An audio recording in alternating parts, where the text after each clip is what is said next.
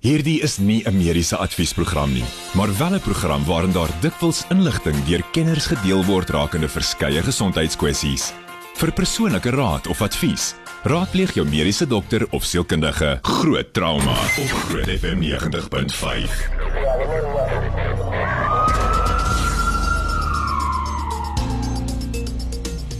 Sak met die Woensdag weer saam met jou te kuier in Groot Trauma. Ek is Pieter Kloete saam met Dr. Jaco van die Kerk, eh, direkteur van die trauma eenheid by Med24 in Montana en ook 'n praktyk daarson ook wel bekend reg oor Gauteng.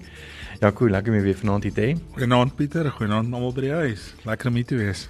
Kom ons begin sommer met daai Engelse storie in die nuus um, om 8uur was oor 'n bokser wat nou ongelukkig oorlede is en uh, dit na inwendige bloeding lyk dit vir my. Ja, Pieter, ek dink dis 'n 24 jarige man um breinbesering en dan die aard van die saak breinbloeding. En dit gaan interessant wees om te sien in die nadoetse ondersoek want dit sal as 'n onnatuurlike dood gesien word. Um wat die werklike oorsaak van dit is. Want mense sê sê nou breinbloeding en breinbesering, maar ons weet almal en ons het nou al 'n paar keer daaroor gepraat, kroniese blootstelling aan stomptrauma of of of stombesering van die van die kop um het ook 'n effek op die brein. Ons praat van kroniese traumatiese enkefalopatie of die CTE wat almal van praat. Ons praat van tweede impak konkussie. Met ander woorde, hierdie mense oefen, hulle oefen teen mekaar. Hulle kry maar houe teen die kop, hulle kry konkussie in sekere grade. En as 'n mens dan konstant konkussies kry, gaan jy ook hierdie impak tweede impak sindroom kry waarin mense kan doodgaan. 'n Ander ding is ook ehm um, subdurale bloedings. Mense kry kroniese subdurale bloedings waar jy 'n stadige bloeding het wat jy nie noodwendig dadelik gaan doodmaak nie, maar as jy aan mekaar um trauma kry of dan weer 'n herbloeding kry, is dit gewoonlik katastrofies. En dit is eintlik hartseer om te dink 'n 24-jarige man wat dood is um as gevolg van die sport wat hy aan aan deelneem. Um ek hmm. dink daar's baie meer werk te doen aan um om om regtig hierdie sportaktiwiteite bietjie meer te probeer veiliger maak. Ek weet boks is nou een van daai van daai sporte wat mense seker nie gaan ooit veilig kry nie, maar om meer riglyne daar te stel as jy 'n breinbesering gehad het of as jy 'n konkussie gehad het om 'n sekere tyd nie deel te neem nie. Waarom net by vir 'n 20 uh, artikel wat deur Anina Burger geskryf is en uh, net eenheid 5 pasiëntvoertuie in Namakoland werk. So dit wil net maar sê dis maar vyf ambulanse. ja, dit beteken net 20% van die die ambulanse in die Namakoland distrik in die Noord-Kaap werk. Nou die probleem in die Namakoland of eintlik die hele Noord-Kaap is dat die area so groot en die dorpe is so ver van mekaar af dat daar nie spesialis sorg of goeie mediese sorg is in al die dorpies nie. Um die die hele gesondheidsstruktuur daar is is eintlik baie agter teenoor die res van die land dink ek. Um as mens gaan kyk na afstande van die Namakoland distrik tot by Kimberley is 800 km en tot by Appington is 400 km wat al ja. eintlik uh, klaar 'n redelike afstand mm. is vir pasiënte om vervoer te word um vir mediese sorg. Nou die doel hoekom hulle um die Appington Hospitaal eintlik half opgegradeer het en spesialis sorg gegee het is omdat die mense so ver moes gery het. Ek meen om 800 km ver te ry terwyl jy siek is vir 'n spesialis sorg is is dan ook nie jy weet, ehm um, dink ek regverdig nie. Maar nou is net 20% van hierdie mense ehm um, of 20% van die beskikbare ambulanses wat al klaar min is ehm um, in 'n werkende toestand. Daar is ehm um, gerugte dan nou van hierdie pasiënte, veral twee vrouens wat al ehm um, verlede jaar Augustus na Appington vervoer moes word. Dit is uitgestel na Januarie hierdie jaar. Dis toe uitgestel na Mei hierdie jaar en hulle is nog steeds aan die wag. Die groot probleem is baie chirurgie prosedures, baie kanker pasiënte kan nie wag vir 6 maande voordat hulle behandeling kry nie. Um en baie van daai pasiënte gaan sterf voordat hulle ooit by enige mediese sorg kom. Nou die staat sê dat hulle wel 249 heeltydse poste gaan adverteer en dat hulle dan nou planne gaan maak om hierdie dienste te verbeter. Die probleem is um, om 'n plan te maak en om poste te adverteer beteken nie die die die pasiënte gaan behandel word. Mm. Um dit is so dat mense graag meer mediese sorg wil hê, mense wil meer hospitale hê, mense wil meer spesialiste hê. Ongelukkig is dit 'n area van die land wat nie um dig bevolk is nie, so dit is nie altyd um prakties om om om spesialis sorg oral daar te hê nie maar ek voel definitief as 'n mens ten minste um dit wat daar is kan benut, dan is dit die moeite werd en tans net 20% effektiwiteit. Dis is belaglik. Ek meen ek dink nou aan 'n uh, Dr. Jacques Koning wat nou in deesdae besig van sy tyd in Kenhardt deurbring. Ek meen net Appington van daar af is al klaar 128 kg. Jy weet ja. amper van hier af Middelburg toe, weet met Mpumalanga. Dis amper 'n uur en 'n half se ry. Ja. En uh ja, dit is dit is regtig vir my baie bekommer kommerwekkend.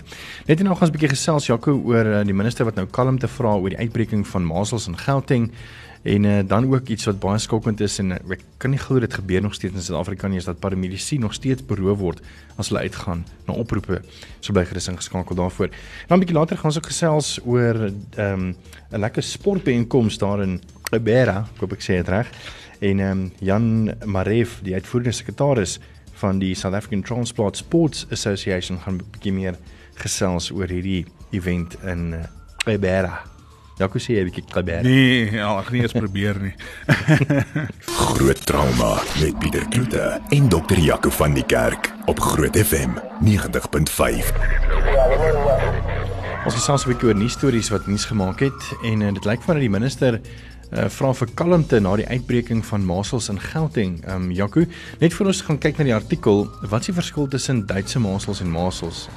Pieter, die die dis twee verskillende virusse wat ehm um, veroorsaak dat jy of Duitse masels of masels kry. Duitse masels maar die gewone ehm um, uh, rubella en ehm um, dit is 'n baie ligter siekte as wat masels as sulks is. Ons het vir baie lank glad nie masels gesien nie en masels is die een wat jou die komplikasies gee. Dit kan vir jou die breinkomplikasies gee, longkomplikasies. Ehm um, kan vir jou oogkomplikasies gee. Daar's kinders wat wat blind word van van masels. Ehm um, masels is ook hierdie erger siekte ehm um, wat gekarakteriseer word deur hulle praat van koplikvlekke. Nou koplikvlekke is sulke wit vlekke in die binnekant van die van die slijmvlies van die mond wat eintlik as jy dit sien saam met rooi oë, saam met koors, eintlik half um loopneus, um toeneus, um hoeserigheid, uitslag op die vel, um dan is dit masels en nie Duitse masels nie. So dis baie keer baie moeilik om te onderskei net op die vel uitslag is dit 'n masels of is dit Duitse masels, maar as jy daai vlekke in die mond sien, dan is dit um masels. Nou masels is 'n ding wat al regtig waar ons het baie lank terug masels gesien. En dit is sleg om te hoor dat 'n mens nou weer 'n uitbraak kry. Nou hulle praat van 'n uitbraak en en meeste mense gaan nou sê dis net 4 pasiënte, maar 4 pasiënte in 2 weke is nogal baie as jy vir klomp jare niks gesien het. Mm. En een van die redes dink ek daarvoor is maar omdat ehm um, mense verkies om baie keer nie hulle kinders te immuniseer nie. Nou die rede daarvoor kan geen mens eintlik insien nie want die die immunisasie vir masels is al ouer as 60 jaar. En nie een van ons het iets oorgekom van die masels mm. inenting nie. Ons het op 6 maande een gekry, ons het op 'n jaar een gekry en um ons het nie een masels gekry nie. Nou jou jou kinders jonger as 'n jaar oud is die kinders wat baie meer komplikasies kry um van masels en dit is gewoonlik inflammasie van die brein of enkefalitis, meningitis um en dan uit die aard van die saak die blindheid en die longontstekings wat dan baie kinders um dan doodmaak aan die einde van die dag. Nou ek sit net en dink as jy 'n immunisasie kan gee vir jou kind wat ouer is as 60 jaar wat al nagevors is en wat almal oorleef. Want baie mense is mos nou oor die oor die immunisasie ding is daar's nie navorsing nie en daar's neeweffekte en en en. Maar as jy weet jy kan jou kind beskerm teen masels en hy kry masels en hy's dalk brein gestremd of serebraal gestremd na masels of selfs dan nou dood. Um hoe gaan jy daaroor voel as jy weet sy maatjie langs hom het dalk ook um die blootstelling gehad, maar nie die masels gekry nie as gevolg van die inenting. En ek dink dis nog 'n groot ding. Um so ja, die minister van gesondheid het gesê ons moenie nou um te gestres raak nie en ons moet kalm bly, maar 'n mens moet nog steeds waaksaam wees. Dit is so moeilik in die beginfase van masels om dit te onderskei eintlik van die gewone verkoue, jy weet, um want baie van die simptome is eintlik maar presies dieselfde. Jy weet, um, jy het rooi oë, jy het koors, jy het loopneus, jy het hoes, jy het 'n veluitslag, jy het lyfseer. En dis alles wat verkoue ook maak. Streptokokale keelinfeksies kan ook vir jou 'n uitslag gee. Um en dan later kom dan nou die klassieke koplikvlekke en die masels komplikasies. So dis baie keer baie moeilik in die begin En um, mens moet uitkyk vir die simptome, maar mens moet nou ook nie hysteries raak as iemand se oë begin rooi raak en 'n loopneus kry en begin 'n kuggie kry dat dit nou masels is nie. Dit kan nog um, net 'n ou rookie wees of Dit kan net dit ook wees. maar ek dink dit is een van die goed wat vir ons wys dat die immunisasieskedules van die staat werk dat dit die moeite werd is om jou kind vir masels in te ent en dat jy jou kind net sodoende kan beskerm en en jy weet sy lewe kan red op daai manier. Ons het af met 'n storie oor paramedisien. Ons het al dit eh, al 'n klomp kere ehm um, gehoor waar paramedisie uitgeroep word vir 'n vir 'n noodoproep en dan kom hulle by die toneel en dan word hulle beroof van hulle belangrike besittings soos selfone en die meer. En uh, selfs van hulle is al weet met wapens opgehou en selfs in die kapel geskiet. Ehm um, en Jaco, ek dink die dag gaan kom waar ons eh, 'n uh, ambulans gaan nodig hê en hulle gaan nie uitkom nie want hulle is te bang. Ja, dit is dis eintlik vir my, ek dink een van dit dit val vir my in dieselfde kategorie as moord. Jy weet, as jy 'n paramedikus langs die pad ehm um, beroof of aanrand en beroof, dan ehm um, jy weet, verdien jy meer as net tronkstraf. Ehm um, hierdie pasiënte of hierdie hierdie twee paramedici is buite Rustenburg dan nou um, oorval nadat hulle 'n pasiënt vervoer het van die hospitaal af of van die huis af hospitaal toe en um, die pasiënt se se lewenstekens het vinnig agteruit gegaan. Hulle het langs die pad stilgehou om dan um, KPR te begin. Nou almal wat al ooit in 'n ambulans gery het, sal vir jou kan sê dis ongelooflik moeilik as 'n ambulans beweeg om goeie resusitasie agter 'n ambulans te doen. Dit is eintlik amper onmoontlik. Hmm. So hierdie personeel het eintlik die beste belang van daai pasiënt op die hart gedra deur te stop langs die pad en optimale sorg vir hierdie pasiënt aan te bied. En in ruil daarvoor het hulle dan nou hulle ehm um, hulle is beroof en en en jy weet ek dink net daar's daar's vir my amper geen slegter ding as as om om paramedici langs die pad te te beroof nie. Ek dink dit is laakbaar en ek dink jy jy verdien nie om die strate te bewandel nie. Definitief en dis my opinie. En die hartseer saak is dat die pasiënt is na die voorval in die ambulans uh langs die pad doodverklaar. Dis dis die ding, jy weet. Ek meen as jy nou daar stilhou en jy begin met KPR en iemand kom met um met wapens en um oorval jou en beroof jou en jy moet half basies doen wat hulle sê anders as jy ook dood dan gaan die pasiënt sterf. En jy weet mense weet nooit wat kon die uitkoms gewees het nie. Ek sê nie die die pasiënt sou oorleef het nie hmm. maar mense weet nooit wat die uitkoms kon gewees het nie. En is daai mense wat die wat die rowers is nie dalk jy weet verantwoordelik vir die dood van daai pasiënt nie. En en dan is dit eintlik moord. Hmm. baie hartseer die artikel op marulamedia.co.za. Net hierna gaan ons 'n bietjie gesels uh, met Jan Maree en nog 'n paar ander oor uh, die South African Transplant Sports Association en ook hulle opkomende toernooi daar in Kleiberg. Met die volgende program bo Groot FM 90.5 om jou as luisteraar met die nodige inligting oor 'n spesifieke onderwerp te voorsien. Alhoewel hierdie inligting dikwels deur 'n kenner op die gebied gedeel word, word jy aangemoedig om jou mediese dokter of sielkundige te besoek vir persoonlike advies of raad. Groot trauma op Groot FM 90.5.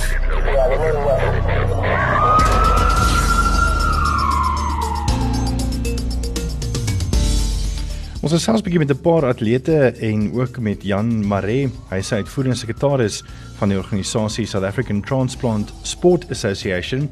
En ek moet vir jou bieg Jaco, ek het nie eens in my lewe in my wildste drome gedink dat daar so 'n organisasie is nie, nê? Kan nie glo. Ja, nee, ek dink dis amazing, jy weet, um mense dink altyd as mense dink aan orgaanoorplanting of orgaanskenking en orgaanoorplanting dat dit mense se lewens so verander dat dit hulle nie in die in die alledaagse lewe kan kan aanpas nie en ek dink dis net 'n goeie voorbeeld dat 'n mens definitief kan en en en jy kan eintlik 'n vol lewe lei daarna. Hmm. Ons gaan 'n bietjie later gesels ook oor die 14de nasionale oorplanting spele. As jy nog nie daarvan gehoor het nie, gaan ons 'n bietjie vir jou meer vertel daaroor. Ja, kom ons staan 'n bietjie stil. Ons het nou al ook in 'n vorige pot gooi wat jy kan gaan luister op grootfm.co.za ons inhoud podcasts en dan uh, groot trauma waar ons gepraat het oor ehm um, veral gefokus het op nieroorplantings, uh, toe Rinus hier kom kuier het. Maar net 'n bietjie van 'n vinnige oorsig, jy weet, ehm um, oor twee goeters, uh jy weet uh, is dit weet is jou lewe heeltemal anders as jy nou 'n oorplanting het en ons gaan 'n bietjie nou net gesels met persone wat nou weer ook oorplantings gehad het. En die tweede ding wat ek wil weet is ehm um, as jy net sommer op jouself tattoo DNA, jy weet, do not erase. Ehm um, of resuscitate en jy het 'n ou stiekertjie in jou beursie wat sê jy's 'n orgaanskenker. Is dit genoeg vir 'n dokter om te weet dat jy jou organe mag skenk of nie? Pieter, ja, dit is dis eintlik 'n mondvol wat jy nou vra, maar een ehm um, ek dink as mens dink aan orgaanskenking moet mens dink aan twee tipes populasies pasiënte wat organe skenk. Jy kry lewende skenkers wat een persoon byvoorbeeld 'n nier sal skenk aan 'n volgende persoon en dan sit twee lewende geskenkers wat een skenk vir die ander een en dan is daar die die skenkings wat jy 'n breindood pasiënt gebruik om dan jou skenking te doen. Um daar's 'n groot verskil tussen 'n DNR of do not actively resuscitate en 'n living will in Suid-Afrika. En dit is 'n baie moeilike ding in 'n trauma eenheid om om daai twee goeters en die die eintlik die ek wil amper sê die die waarheid agter dit te kry want do not actively resuscitate het 'n baie wye definisie. Want wat is resuscitasie? Is resuscitasie die weerhouding van van voedingsstowwe en suurstof of is dit net KPR of is jy vol geventileer word, is dit resuscitasie? Nou vir meeste van ons is KPR is resuscitasie en as jy oomblik wat jy 'n pyp in iemand se lugweg sit en begin ventileer is dit resuscitasie. Maar ek voel suurstof gee en voedingsstowwe gee is 'n basiese um ding vir vir enige mens en ek dink nie dit word as resuscitasie gesien nie. 'n Living will en ek weet nie of daar in Suid in Afrikaans regtig al 'n mooi mooi naam daarvoor is nie. Is eintlik so half 'n vooruit dis amper soos 'n testament. Jy sê terwyl jy wakker en lewendig is, wat met jou moet gebeur as jy in daai situasie kom waar jy nie meer vir jouself kan besluit nie. Tot watter mate wil jy geresusciteer word en sal jy resuscitasie aanvaar as die persone wat jou resusciteer dink jy gaan weer na volle funksionering terugkeer. Dis die dis die twee verskille van van do not actively resuscitate of die DNR en die living will, maar dit is wettige dokumente wat eintlik deur jou prokureurs voor die tyd opgestel moet word en dit moet geteken wees en dit moet altyd by jou wees en of by jou familie wees. Maar dis dit moet geverifieer kan word. En dis 'n probleem want dis nooit daar nie. So, al is daar 'n tattoo op jou wat sê do not actively resuscitate, gaan ek jou resusciteer totdat ek daai wettige dokument sien. Want as ek dit nie doen nie en iemand sê maar ons wou graag gehad het hy moet of sy moet geresusciteer word, dan is jy in die moeilikheid. Um die die ander ding is jy kan die kaartjie dra van orgaanskenking, maar jy gaan nog steeds jou familie gaan nog steeds die eintlik finale sê. So ek dink jy moet voor die tyd met jou familie gaan praat en daar moet voor die tyd besluit word. Gaan jy of gaan jy nie orgaanskenking doen nie? Um baie mense dink as jy onder 18 is kan jy nie. Jy as wettig kan jy sekerlik nie daaroor besluit nie. Jou ouers kan nog steeds toestemming gee. Um die ander ding is jy as jy breindood is, dan moet jou familie nog steeds toestemming gee en in die, in die opset waar ek werk is daar 'n hele groep mense wat jy dan kontak wat die familie kontak nie om te sê hoor die pa of ma of boetie of sussie is nou oorlede kan ons sy organe kry nie maar om deur die hele rouproses en deur die hele proses van dood te gaan. Want baie mense dink ook as jy weet of as ons weet iemand is 'n orgaanskenking gaan of skenker gaan ons hulle nie mooi behandel nie. En die antwoord is Inteendeel, jy gaan dalk beter behandeling nog kry as die as die res van die populasie, want ons wil graag hê alles moet werk tot ons dit kan gebruik ook, nê. Nee. So aan die einde van die dag, ek dink nie jy moet bang wees as jy sê jy's orgaanskenking of skenker dat jy nie optimale terapie gaan kry of behandeling gaan kry as jy in daai situasie kom nie. Maar as jy breindood is, gaan jou familie nog steeds gekontak word vir die finale sê. Um Ja, ek dink dis die dis die kort en lank van die saak. Dis my saak. Ehm um, dan wil ek by Jan Jan Maree, jy's die um, uitvoerende sekretaris van die organisasie South African Transplant Sport Association. Vertel ons 'n bietjie meer van julle organisasie, hoe dit bebeen gekom en en hoekom jy's 'n organisasie vir mense wat kan sport doen wat 'n oorplanting gehad het. Die belangrike ding is die ouens het omtrent 25 jaar gelede 'n groep mense in Suid-Afrika gesien daar is 'n wêreldoorplantingsspele. En hulle het besluit hulle wil gaan deelneem en en hulle wil 'n Suid-Afrikaanse span vat. En dis maar waar dit begin het. Die organisasie is gestig en soos dit gegroei het, het hulle gesien hulle moet begin om proewe te hê om 'n span bymekaar te maak wat wêreldspele toe kan gaan. en hulle het geleer dat jy nie net kan deelneem nie, jy moet ook jy, jy wil ook die boodskap versprei van orgaanskenking en oorplantings. En so het dit gegroei, die organisasie het gegroei en uh, ons het nou 'n nasionale organisasie met vier streke ehm um, omtrent 500 aktiewe lede uh, waarvan die oorwegende meerderheid is orgaanontvangers.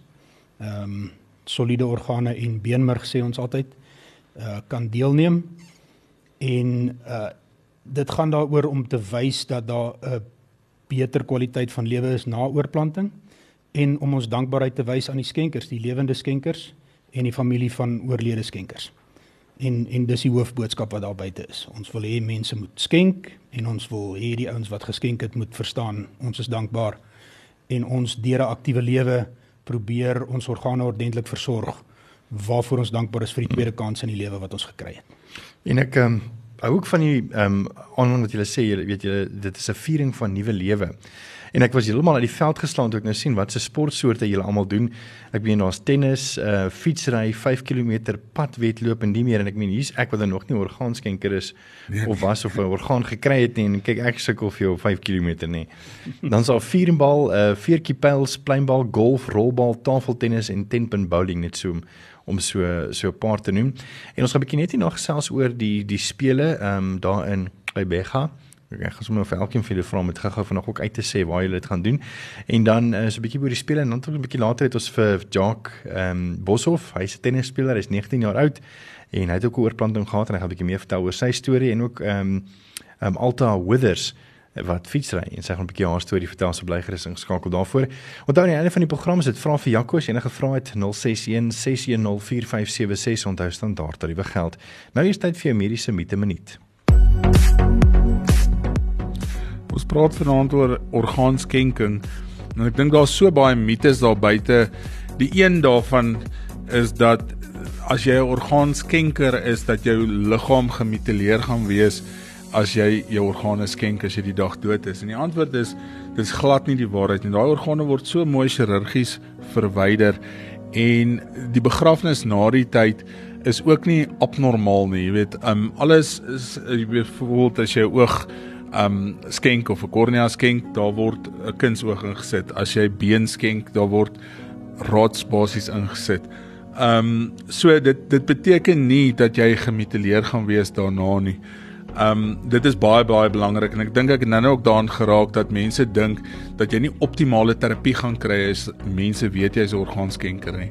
En die antwoord is dis glad nie die waarheid nie. Um, ek dink dis een van die grootste mites daar buite. Groot trauma met Pieter Kloete en dokter Jaco van die Kerk op Groot FM 90.5.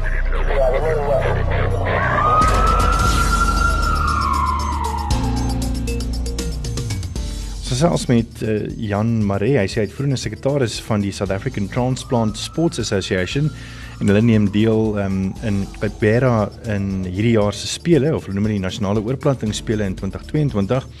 En die toeval het dit nou so dat ek nou vanoggend vir uh, Jan raakgeloop het um, toe hy nou op die groot ontbyt was met die span daarson sy storie van nogal gespreek gesê ons moet definitief hier gesels oor radio en die noodlot het dit nou so Jaco dat ehm um, uh, of of nie noodlot nie maar uh, hulle sê mos weet um, mense is mos eintlik maar gekonnekt weet um 6 degrees of separation. Mm. Toe ek nou vir François Botha ons inhoudshoof sê van die onderhoud en die gesprek wat ons gaan voer in groot drama vanaand.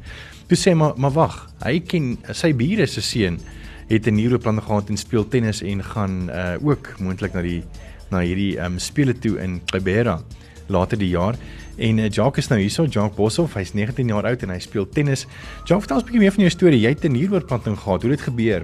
Jesus, baie dankie Pieter. Nee, um so ek was uh, van geboorte af met my nierprobleme gewees en um so die tyd nou aangegaan en toe ek 10 jaar oud was, het ek nou my my nieroorplanting gekry van my ma af, waarvoor ek baie lief is. En uh, ek het dit vergeet om die vorige keer wat ek op radio was te sê so. Hierdie keer wat ek ja, maar baie dankie. Nee, kyk en toe ehm um, toe kry ek my neuroplanting en uh, ek was van kleins af 'n baie aktiewe seentjie. Ehm um, my oupa het my altyd jog balletjies genoem. ek het so baie daarvan gehou met balle te speel en rond te speel en en so en so ek was altyd baie aktief voor die oorplanting gewees en ehm um, ek het ek het baie daarvan gehou om my leefstyl verder aan te hou na die oorplanting. En so uh dit was maar so jy moes moes maar maar um jou herstelproses doen en en al daai belangrike dinge, maar so sodra ek kon weer bietjie begin hardloop of bietjie aktief wees het ek gegaan vir dit. Verstaan en um ek was ek was jonk geweest toe ek met tennis begin het. Ek dink ek was so graad 3 geweest en toe het dit nou so half in my hart ingekruip en na 'n lang ruk het ek net dit verder gevat en verder gevat en um met die oorplanting toe toe hoor ons nou van hierdie oorplanting spele en ons dog toe yes hoe cool is dit nou nie? Hm. en um dis hulle nie maar mense kan gaan tennis speel by die oorplanting spele. En uh, so my oorplanting was in 2012 November gewees en die eerste spele wat ek toe nou bygewoon het was toevallig hier in Durban gewees in in Suid-Afrika en ek het toe tennis daar gaan speel en ek het ek het 'n goue medalje gewen en dit is net van daar af fantasties geweest. Ek het gefvinding net vir ek vir Jaco vra um, om oor te vat. Ehm um, jy sê jy het in 2012 jou jou oorplanting gehad nê? Nee? Ja. Hoor gou hierdie storie nê. Ek weet nie of julle vir Aries Merit ken nie. Hy het 'n um, goue medalje in die 110 hekkies gekry in 2012 se Olimpiese spele. En 2 jaar later toe begin sy niere uh, van probleme gegee en uh, dis letterlik 'n jaar nadat hy die Olimpiese spele gedoen het in die hekkies, nê. En ehm um, toe het hy net 10% van sy nierfunksie oorgaan. Toe is hy ook gegaan vir 'n vir 'n oorplanting en die meer en hy het toe weer begin oefen en um, hy het toe met die volgende Olimpiese spele net net die span gemis vir die Olimpiese spele hy uit vierde gekom deur letterlik 'n uh, uh, een uit 'n honderdste van 'n sekond agter die derde persoon te wees. En dit letterlik nadat hy ook 'n oorplanting gehad. So daar is definitief hoop. Mm. Ehm um, weet vir iemand wat 'n oorplanting gehad het. Ja, ek dink ehm um, my vraag vir jou is het jy ooit dialyse gehad dan nou voor voor jou oorplanting en hoe dit jou lewe verander na jou oorplanting? En dan na oorplanting het mense immuunonderdrukkende terapie nodig om te keer dat jou liggaam nie die die orgaan verwerp nie. Hoe beïnvloed dit jou lewe? Ehm um, So my eerste vraag te beantwoord. Ek was verskriklik bevoorreg geweest. Ek het nooit dialyse gehad nie. Ehm um, waarvoor ek baie dankbaar is. En ehm um, kyk die die immuunonderdrukkers uh ek ek dink is baie belangrik om veilig te wees, maar ook nie regtig in 'n bubble te wees nie, verstaan? So jy moet jou lewe lewe, maar jy moet baie versigtig wees. So byvoorbeeld met die met die COVID stories het ons nou maar verskriklik ernstig gesaniteer en jy het jou masker gedra en ehm um, jy's jy's verskriklik versigtig, moenie uitgaan, moenie onnodige plekke gaan waar daar baie mense is nie. Ehm um, ja en uh skus om die tweede vraag te antwoord. Kyk, na my oorplanting Skus, wat is die tweede vraag? Ek kan nou nie meer onthou nie. Dis immuunonderdrukkende. O, oh, die derde. Wat was die een oor die hoe het jou lewe verander voor en na die die oorplanting? Ehm um, nee, so ek dink uh soos ek sê ek was baie klein geweest En uh, ek het nooit regtig agtergekom daar's uh soos ek ek is siek of daar's regtig 'n probleem gewees nie. Verstaan, dis maar dokters en ouers wat vir my gesê het. En uh so voor voor die tyd was dit vir my regtig ek het nog steeds aangegaan soos normaal. Ek het gedoen wat ek wou, ek het rugby gespeel, ek het geëet wat ek wou en, en natuurlik alles nou bietjie meer ge soos 'n dieet gehad of so. Um baie versigtig geweest, maar na die tyd uh soos wat die tyd aangaan na na oorplanting Um ek weet nie ek wil sê mense raak bietjie meer gemakliker. Uh wat wat nie so goed is nie, maar uh ek voel met goed wat ek eet of as ek nou uitgaan byvoorbeeld, ek sal minder versigtig wees um met party goeders, maar my my lewe het nie drasties verander nie. Ek ek gaan aan soos normaalweg en ek voel ek kan sport doen soos regtig ek het verskriklik baie energie. Um ja, ja, dis nie dis nie erg nie. Ek dink ek kan dieselfde vir Jan dalk vra wat dalk later in sy lewe eers probeer of begin probleme kry het met nier nierfunksie. Ja, ek was ek was uh gediagnoseer letterlik 'n week na my troue uh met nierversaking. En uh, dit was gelukkig op daai stadium nog nie so ver gevorder nie en ons is bly ons het dit daai tyd agtergekom uh, want ek het geen simptome gehad nie. Dit was toevallig opgetel met 'n bloedtoets. En uh ek het behandeling gekry en en ek was stabiel verklaar en ek het is uit die hospitaal uit en ek het 'n normale lewe gehad. Ek moes nou my dieet dophou. Uh en stelselmatig oor tyd het my nier agteruit gegaan. My nierfunksie agteruit gegaan. Ehm uh, maar wat ons baie keer met onder mekaar ook bespreek is jy jy het nie simptome omdat dit so stadig gebeur. Jy het nie simptome wat jy baie definitief identifiseer terwyl dit met jou gebeur nie. Na die tyd kan jy sê, "Oké, okay, ja, ek was baie moeg. Ek het ehm um, ek het middagslaapies gevat wat ek nooit gedoen het vroeër in my lewe nie." Maar mense dink maar net, "Ag, jy word ouer, seker goed gebeur." En so het jy net maar aangehou en en begin meer moeg voel en elke keer as jy dokter toe gaan dan sê hy vir jou die tellings is slegter en Ek dink 'n groter deel van die van die ervaring is is 'n sielkundige ding. Uh omdat jy meer bewus is van wat om jou aangaan en waarvan waarvan hulle jou vertel, het dit 'n sielkundige impak op jou. In in my geval het ek besluit uh ek gaan my werk los en ek gaan begin werk as 'n eienoomsagent want dit gee my meer vrye tyd. Dan kan ek al hierdie goed bestuur en ek kan my doktersbesoeke hanteer en ek kan wanneer ek op dialyse moet gaan, kan ek dit hanteer en en ek gaan nie my werk beïnvloed nie ek beïnvloed net myself so en en daai vrye tyd wat daai beroep my gegee het het definitief gehelp en ek ek was ook gelukkig. Soos ek sê my vrou het vir my 'n huur geskenk. Sy het baie vroeg in die proses reeds aangebied en ons het die toetse begin doen. Ons eerste eerste ding is jy moet dieselfde bloedgroep wees en ons was.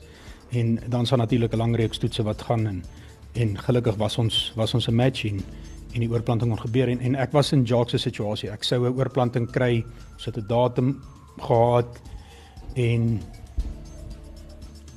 toe die week voor die oorplanting, toe die laaste bloedtoets wat ons doen kom te verkeerd uit. Die, die, die resultaat was nie wat wat wat dit moes wees nie en die oorplanting is gekanselleer. En ek is dadelik op dialyse gesit. Ehm um, en daai toetse moes herhaal word 'n paar maande in 'n ry moes die regte uitslag uitkom en toe kon ons dit herskeduleer en gelukkig kon ons en daar was 'n geleentheid en en dit was 'n sukses. En onmiddellik kon ek na die tyd agterkom ek ek voel anders. Ek ek is nie ek's nie so dis die grootste ding, ek was nie so moeg nie. En mense wat my raakloop nou jare later wat my lank nie gesien het nie.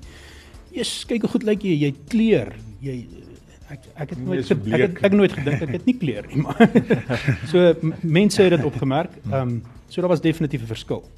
En dan nou die ding wat wat ons nie genoeg sê nie en en Jacques daaraan geraak is uh die regte helde dis die ouens wat vir ons ken. Uh weet ons ons gee nie genoeg eer aan daai ouens nie. En dis wat ons wil doen met goed soos die oorplantingsspele en met 'n gesonde lewe en 'n aktiewe lewe. So ons wil vir daai ouens wys oor die dankie kerels. Dis ja. my liefie. Julle.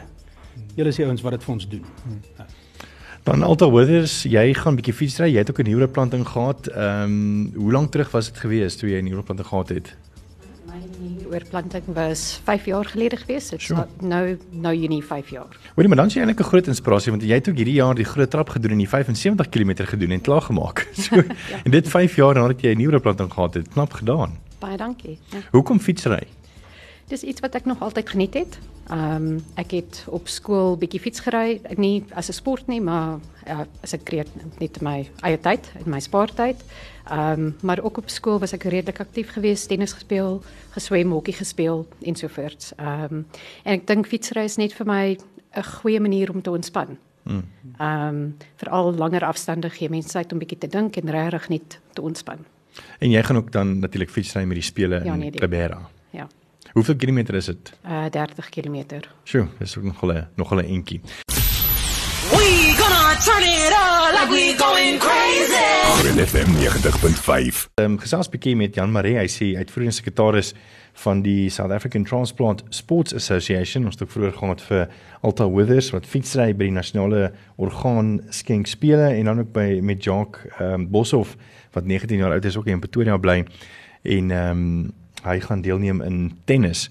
Vertel ons net so vinnig beer oor die spele, wat se datum dit is en wanneer dit gebeur. Tobega. Dit is van die 7de tot die 10de Julie is die spele amptelik. Al die items gebeur op die 8ste en die 9de. So al die sportsoorte wat nie baan en veldatletiek is nie gebeur op Vrydag die 9de Julie. Uh by die universiteit Nelson Mandela Universiteit uh, se sportvelde en sportvelde rondom uh, Kubega.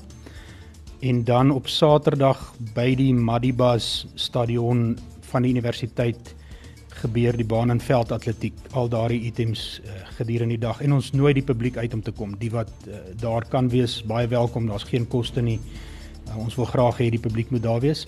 En dan 'n baie belangrike item wat gebeur is op die Vrydagmiddag 3 uur het ons 'n bewus bewusmakings redstap. Ehm um, op die promenade voor die Marine Hotel. Ehm um, op die kus daar wat baie lekker gaan wees. Om sê die orgaanskenkersvereniging wat betrokke is en ander uh, orgaanskenkersverenigings wat waar almal gaan betrokke wees en die publiek is welkom en en almal kan 'n bietjie stap en ons boodskap versprei. En ek sien ook uh, Karel het en laat weet op WhatsApp, hy sê naam Pieter en dokter, ek is 'n orgaanskenker. So hy sê vat alles en veras my dan en gee dan net my as vir my geliefdes. so dankie vir jou Karel vir daai boodskap. Ehm um, as jy ook graag 'n orgaanskenker wil word, die webblad wat jy kan besoek vir meer inligting is ODF of dan odf.org.za en is uh, staan vir Orden Organ Donor Foundation. Ehm um, so besoek gerus hulle webblad en leer meer oor hoe jy 'n orgaanskenker kan word. Dis odf.org.za. Dit is baie maklik. Besoek daai webblad en leer meer. En ek het gesels met uh, Jacques uh, Boshoff, hy's 'n tennisspeler, 19 jaar oud, hier oor planting gehad, ook met um, Alta Withers, sy ry fiets. Sy het ook in die groot trap deelgeneem in die 75 km en sy het ook 'n nieroorplanting gehad en natuurlik Jan Maree, die uitvoerende sekretaris van die organisasie South African Transplant Sports Association. En jy kan ook 'n bietjie meer leer oor wat hulle doen by Transplants Sport of althans transplantsports.org.za. So is transplantsports.org of .org.za. Hoop ek sê dit reg. En dan as jy weer wil luister na die potgooi sal so teen die einde van die week op ons webblad ook beskikbaar wees. Net gou vir 'n gevaar vragies wat wel ons het letterlik net tyd vir een vragie ongelukkig Jaco. So ons gaan daai ander twee moet weer moet oorstaan vir volgende week. Maar Ina vra uh my vraag aan julle is ek het bloeding op die brein opgedoen en 'n val en ek was opgeneem in hospitaal en was 8 ure in teater. Maak dit nagevolge soos korttermyn geheue plus mood swings. En ek dink ons het nou al seker al hierdie beantwoord dink ek want dit klink vir my baie uh asof ons dit dalk gedoen het, maar miskien kan jy net so vinnig oorsig gee van van van dit Jaco. Ja, ek dink in kort, ehm um, meeste breinbeserings of hoofbeserings gaan gepaard met mood swings daarna. Ehm um, baie meer as mens die frontale lobbe beseer het. Ehm um, die korttermyn geheueverlies is 'n ding wat oor tyd minder en minder word. Dit is 'n ding wat in die begin daar is en mense verskil dramaties in opsigte daarvan. Party mense herstel 100% na 'n kwessie van 4 tot 6 weke, ander vat 2 jaar om om om geheueverlies uh probleme of korttermyn geheueverlies probleme die hoof te bied. Maar aan die einde van die dag, ek dink um dit hang af hoe jy hierdie mood swings van jou hanteer want baie van die van die persone wat hoofbeserings gehad het, weet hulle het hierdie mood swings. Dit hang af hoe jy dit hanteer en hoe jy dit bestuur hoe dit jou uh, interpersoonlike verhoudings en en en en interaksie met ander mense gaan beïnvloed. Want dit kan nogal 'n groot interaksie um met ander mense negatief beïnvloed. En dan vra sy ook daar um sy praat gereeld met haarself is dit normaal ek dink meeste van ons het al met onsself gepraat en ek dink dit is normaal dis net um dalk 'n probleem as jy jouself nog um antwoord en, ja. en met jouself begin stry. maar ek dink meeste van ons kan kan sê ons het al met onsself gepraat al is dit net in jou gedagtes. So ek dink nie dit is abnormaal nie. Hmm. Maar definitief die mood swings en die die korttermyn geefverlies is maar 'n algemene probleem. Dis groot drama vir jou vanaand bly geskakel vir Steven. Groot FM. Face mask and hand sanitizer. Come on, spot the biggie, spot the biggie, 90.5